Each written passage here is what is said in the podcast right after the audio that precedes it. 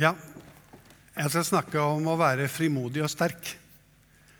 Og eh, det skal jeg altså gjøre, som eh, det ble annonsert her, og se litt på tre historier i Bibelen. Om eh, David, om den samaritanske kvinne og om Peter. Det å være frimodig og sterk det er jo et tema som angår oss. Og denne talen er ikke en sånn selvhjelpstale om at du liksom skal få psykisk styrke og, og sånne ting. Men det har også en åndelig dimensjon om hvordan vi rett og slett har det i forhold til Gud. Og det er mer det området som menigheten skal forholde seg til, istedenfor sånne selvhjelpsteknikker for at du virkelig skal lykkes i livet. Og eh, jeg har selv eh, i perioder opplevd at det har ikke vært så frimodig, og heller ikke så sterk. Noen ganger så har det hatt eh, årsaker som at det kan være borti vonde ting i livet. Og det kan være andre ting som gjør at vi trekker oss litt tilbake. Og ikke liksom flagrer så høyt dette med Jesus og dette med Guds rike og dette, dette, dette, der. Det kan være mange årsaker til det. Men eh, disse tre som eh, vi nå skal snakke om, de hadde jo forskjellige historier. og Vi skal se litt på det og kanskje trekke noen par-tre lærdommer av det. David skal vi altså se på først. Han var mannen etter Guds hjerte, står det i Bibelen. Men han hadde en historie som var veldig dramatisk. Han så en vakker kvinne, og han lå med henne, selv om hun ikke var hans. Og han fjernet Mannen hadde makt til det, og satte mannen foran i striden, vet dere, slik at han ble drept. På denne måten prøvde han å skjule det han hadde gjort. Skjule det for kanskje sin egen samvittighet. Prøve å trykke det ned og si at 'jeg er jo konge'. Jeg er lov til å ta hvem jeg vil, og gjøre hva jeg vil. Jeg er lov til å sette den i striden på den plassen jeg vil. Han hadde makt til å gjøre det, og gjorde det. Men det han gjorde, var ondt i Guds øyne. Og han visste det. Dypest inni sitt hjerte så visste han det. Men han prøvde å skjule det for seg selv og for de andre. Og når du prøver å skjule, eller vi prøver å skjule slike ting for oss selv og for andre, så tærer det på frimodigheten i livet vårt. Det er helt sikkert. Kraften forsvinner. Jeg bruker veldig mye energi bare på å skjule det. Og en blir sliten. Ja, en blir så sliten at en trekker seg tilbake. Og det kan til slutt føre til åndelig død. Så det er alvorlig. David han eh, kom igjennom denne krisen og skrev noen salmer som forteller om hvordan han hadde det når han var i situasjonen. Det er bl.a. Salme 51 og Salme 32 og kanskje også deler av Salme 40. Og kanskje enda flere. Men nå skal vi se på Salme 32 om hvordan situasjonen var i hans liv. Og Jeg begynner å lese fra vers 3. Så lenge jeg tidde, ble mine knokler tæret bort mens jeg stønnet hele dagen. For dag og natt lå din hånd tungt på meg. Min livssaft svant som ved sommerens hete. Det var da han skjulte sin synd, sitt nederlag. Så ble det slik i hans liv at han mistet den kraften, åndelige kraften, og var i ferd med å dø bort ifra gudslivet.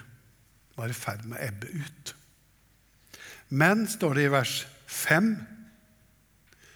da bekjente jeg min synd for deg og skjulte ikke min skyld. Det var etter at profeten Nathan kom til ham og begynte å fortelle ham en historie. Og så gjennom den historien så skjønte han at han var avslørt. Og så ba han om nåde. Jeg sa, 'Jeg vil bekjenne mine lovbrudd for Herren'. Og du tok bort min syndeskyld. Da skjedde det noe nytt i Davids liv. Han oppdaget nåden på nytt igjen. Og det begynte i hans liv å komme en lovsang ifra dypet av hans hjerte. Fordi han hadde fått tatt et oppgjør med synden som herjet i hans liv. Og Derfor så begynner han denne salme 32 slik. Salig, lykkelig. Uttrykket 'salig' jo, betyr jo lykkelig. Lykkelig er den mann som får sine lovbrudd tilgitt og sine synder skjult. Salig er det menneske som Herren ikke tilregner skyld og som er uten svik i sin ånd. Gjennom dette så opplevde David å bli fri. Han ble fri ifra skyld, ifra synden, og fikk lov til å blomstre opp igjen. Og Gud la i hans munn en ny sang, en lovsang til Gud. Det skjedde altså en radikal endring da David fikk møte seg selv i Guds lys. Da han slapp Guds lys inn i sitt liv ved at han ga Gud rett når han pekte på det som var i hans samvittighet. Det Gud hadde pirket på, så sa han ja, Gud. Det er slik som du har sagt. Ved å gi Gud rett og stå der ansikt til ansikt med Gud gjennom profeten, så fikk han frimodigheten tilbake. Og fikk en ny start. Helt fantastisk. Den andre personen som jeg skulle vise dere i dag, har et litt annet utgangspunkt. Hun var en samaritaner, hadde ikke samme bakgrunn som eh, jødene, hadde litt annet tankegods. Så står det i Johannes 4, og vi leser den, og så sier vi noen setninger om den også. Fra vers 7 går det inn. Da kommer en samaritansk kvinne for å hente vann. Jesus sier til henne, 'La meg få drikke'. Disiplene hans var nå gått inn i byen for å kjøpe mat. Hun sier, 'Hvordan kan du som er jøde, be meg, en samaritansk kvinne, om å få drikke?' For jødene omgås ikke samaritanerne. Jesus svarte, om du hadde kjent Guds gave og visste hvem det var som ber deg om drikke, da hadde du bedt ham, og han hadde gitt deg det levende vann. Herre, sa kvinnen, du har ikke noe å dra opp vann med, og brønnen er dyp. Hvor får du da det levende vann fra? Du er vel ikke større enn vår stamfar Jakob. Han ga oss brønnen, og både han selv, sønnene hans og buskapen drakk av den. Jesus svarte, 'Den som drikker av dette vannet, blir tørst igjen.' 'Men den som drikker av det vann jeg vil gi, skal aldri mer tørste.' 'For det vann jeg vil gi, blir i ham en kilde med vann som veller fram til evig liv.' Kvinnen sier til ham, 'Herre, gi meg dette vannet, så jeg ikke blir tørst igjen og slipper å gå hit og hente vann.' Da sa Jesus til henne, Gå og hent mannen din, og kom så hit. Jeg har ingen mann, svarte kvinnen. Du har rett når du sier at du ikke har noen mann, sa Jesus, for du har hatt fem menn, og han du nå har, er ikke din mann. Det du sier, er sant. Jeg vet at Messias kommer, sier kvinnen. Messias er den samme som Kristus, og når han kommer, skal han fortelle oss alt. Jesus sier til henne, 'Det er jeg, jeg som taler med deg.' Kvinnen lot nå krukken sin stå og gikk inn i byen og sa til folk, 'Kom og se, en mann som har fortalt meg alt det jeg har gjort.' Han skulle vel ikke være Messias. Mange av samaritanerne, står i vers 39, fra denne byen kom til tro på Jesus på grunn av kvinnens ord da hun vitnet. Han har fortalt meg alt det jeg har gjort. Nå kom de til ham og ba ham bli hos dem. Og han ble der to dager. Mange flere kom til tro da de fikk høre hans eget ord. Og de sa til kvinnen, nå tror vi ikke lenger bare på grunn av det du sa. Vi har selv hørt ham og vet at han er verdens frelser. La meg få drikke. Jesus satte seg ned og snakket med denne kvinnen. Denne kvinnen som hadde en slik livserfaring. Han viste henne respekt. Han spurte henne om en tjeneste. Jeg vet ikke om det kanskje var en ny situasjon eller en ny erfaring for denne kvinnen. Hun gikk jo til brønnen midt på dagen. Og noen sier at det var fordi hun ikke ønsket å treffe andre mennesker. Midt på dagen, da det varmet solen midt på himmelen. Da gikk det ikke til brønnen. Men hun gikk dit. Og Det er akkurat som du får en fornemmelse av at her var det noen som hadde pekt på denne kvinnen og sagt Der er hun som har hatt så mange menn. Hun som har så lettferdig omgang med, med, med, med menn. Og den hun nå har, det er iallfall ikke hennes. De pekte på henne. Og så ble hun mer og mer reservert. Trakk seg unna. Men vann måtte hun ha. Så gikk hun til brønnen midt på dagen, da det var minst mulig folket der. Frimodigheten hennes var på et veldig lavt nivå. Hun eh, gikk der når det var stille. Slik kan det være med deg òg, og med meg, i perioder. At frimodigheten blir på en måte krympet i vårt liv.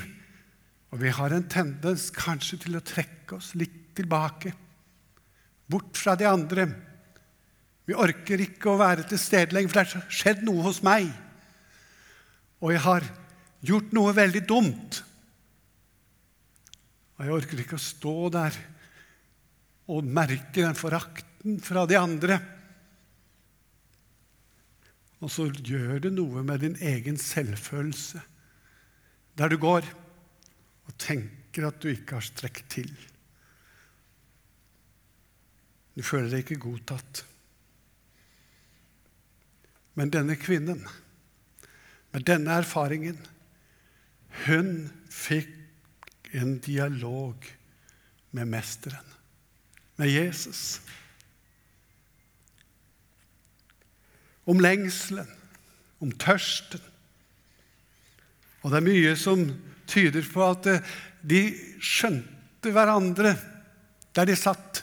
At Jesus så helt inn i det dypeste av hennes hjerte. Og han snakket, og hun forsto hva han snakket om. Og Jesus forsto henne. Jesus behandlet denne kvinnen med respekt. Han ville gjøre henne frimodig og glad, frimodig og sterk. I tillegg til det så ville han ikke skyve det onde under teppet. Men han ville tale ærlig til henne. Han gir henne anledning, mulighet, til å være ærlig om det som egentlig bandt henne. Hent din mann. Jeg har ingen, sier kvinnen. Der snakker du sant, sier Jesus. Hun erkjente at mannen hun nå hadde, ikke var hennes mann. Denne kvinnen blir altså et redskap til at mange kommer til tro. Og sterk. Om alle andre forlater deg, sa han, så skal i hvert fall ikke jeg gjøre det. Jeg ser den for meg, bringkassa likt fram, sverdet i sida. Og når presset ble stort, så brukte han sverdet for å forsvare Jesus imot de rebellene som kom. Han var modig, og han var sterk på en måte. Han tok med fare for sitt liv. Gikk han som en skikkelig soldat inn og skulle forsvare Jesus med sverdet. For nå gjaldt det. Og han hogg som sagt øret av yppersteprestens tjener. Men da gjør Jesus noe med han, eller sier noe til han, som må gjøre han veldig forvirret. Peter, stikk sverdet ned i slira. Du skal ikke bruke det. Så trekker han seg tilbake. Vi kan jo ikke kjempe for han som er mesteren.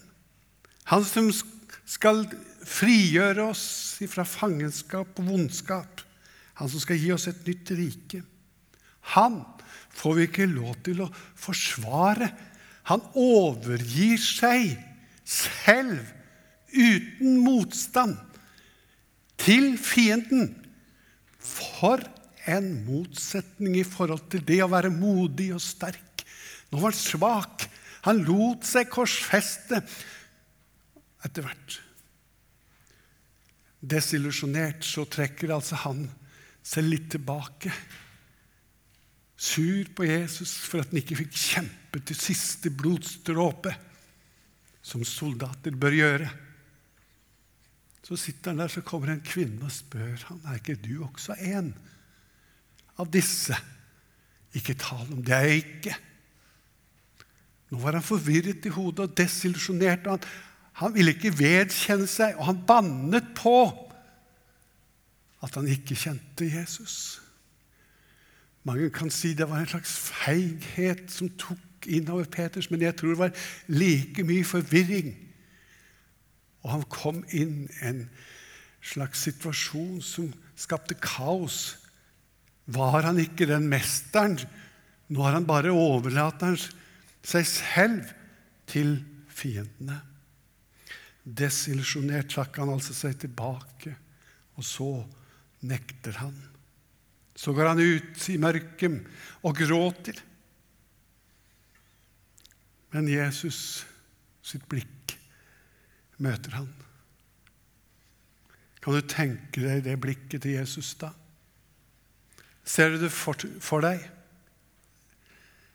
Det gjør jeg. Et varmt kjærlig blikk som er sterkere enn døden, så inn på den falne disippel Peter. Så går han inn i døden for Peter og hele Peters slekta. Alle svikere, alle som har sviktet, alle som det har gått i stykker for, dør han for der på korset. For deg og meg, som også er en av de i samme familie, som hører til i denne slekten. Etterpå så ser vi hvordan Jesus møter Peter etter at Jesus var død, stått opp igjen. Peter hadde liksom fortsatt med sitt yrke. Han sa går, 'Jeg går og fisker'. Og da sa de andre, 'Vi følger deg, Peter. Du er fortsatt lederen vår.' 'Vi har ikke gitt deg opp.' Og han sto og gikk, og de andre fulgte med. Men etter hvert så møtte han Jesus på nytt igjen, etter fallet og nederlaget, etter at mesteren hadde stått opp. Og så leser vi fra Johannes 21. Da de var ferdig med måltidet, sier Jesus til Simon Peter, Simon, sønn av Johannes, elsker du meg mer enn disse? Legg merke til det utsagnet. Om disse forlater deg, så skal ikke jeg. Nå kommer Jesus og rører liksom med det dypeste såret. Han sviktet på en måte mer enn disse. Iallfall like mye. Elsker du meg mer enn disse? Han svarte, Ja, Herre. Du vet at jeg har deg kjær. Jesus sier til ham, Før lamma mine. Igjen for annen gang sier han, Simon, sønn av Johannes, elsker du meg? Ja, Herre, du vet jeg har deg kjær, svarte Peter. Jesus sier, 'Vær gjeter for sauene mine'. Så sier han for tredje gang, 'Simon, sønn av Johannes, har du meg kjær?' Peter ble bedrøvet over at Jesus for tredje gang spurte om han hadde ham kjær, og han sa, 'Herre, du vet alt. Du vet at jeg har deg kjær.' Jesus sier til ham, 'Fø sauene mine.'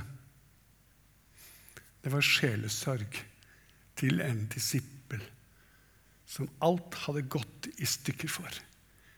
Du skal allikevel få lov til å være med og få oppgaver fra meg. Vi har nå sett på tre personer.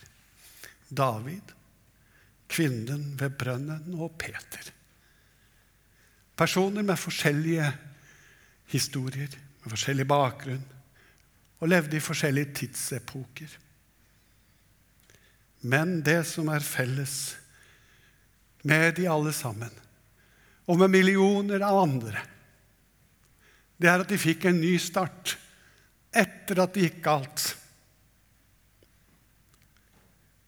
En ny start som førte til en ny tjeneste, til en ny situasjon for dem.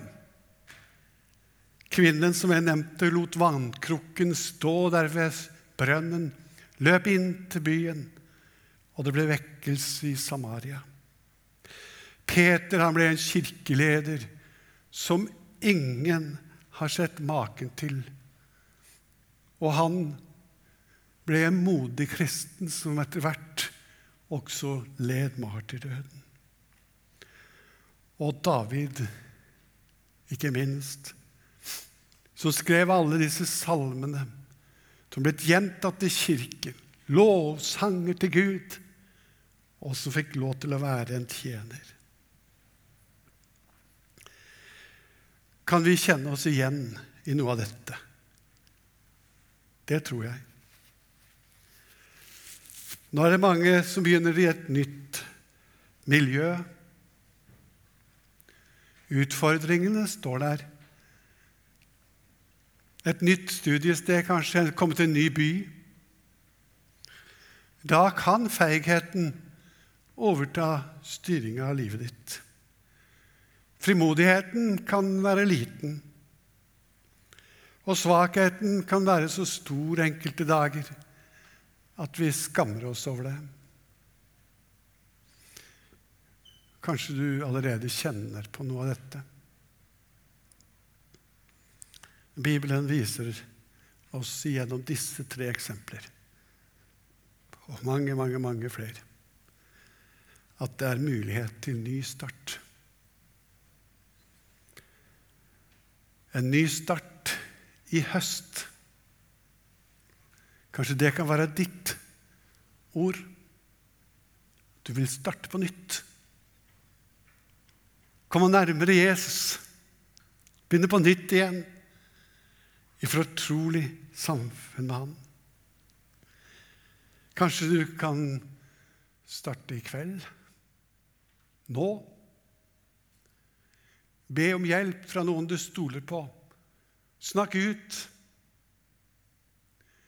Kanskje du skal bekjenne dine nederlag, dine synder. Gi Gud rett når han pirker borti din samvittighet om et eller annet i ditt liv. Si ja, Gud. Det stemmer. Og gjør ikke som de feigeste blant oss. Løp bort ifra Gud og gjem deg. Da kommer Gud etter deg. Han leiter etter deg. Hvor er du? sier han. Vil du ikke møte meg? Så sier vi, her er jeg kom. Inn til meg nå. Gi Gud rett når han peker på disse nederlagene. Men å bekjenne betyr noe mer.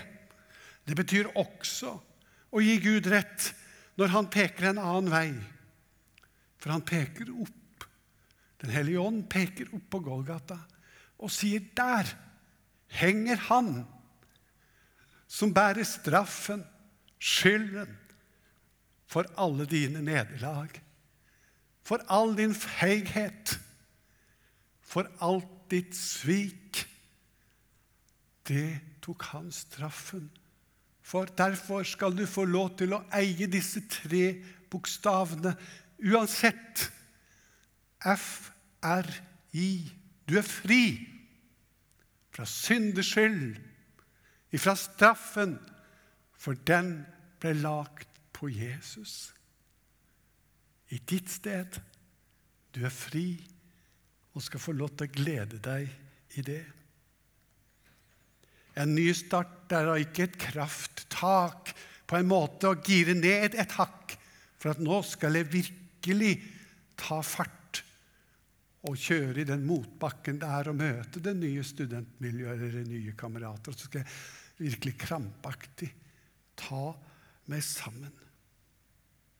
Nei, det er å få lov til å komme inn i sentrum på nytt igjen. Inn i kjernen. Inn til Jesus. Stå der og bli varmet opp av hans kjærlighet. Han vil én ting med ditt liv. Hans store prosjekt er at du ikke skal bli liggende etter på veien. At du ikke skal komme bort ifra ham. Og han gir deg en ny sjanse i dag.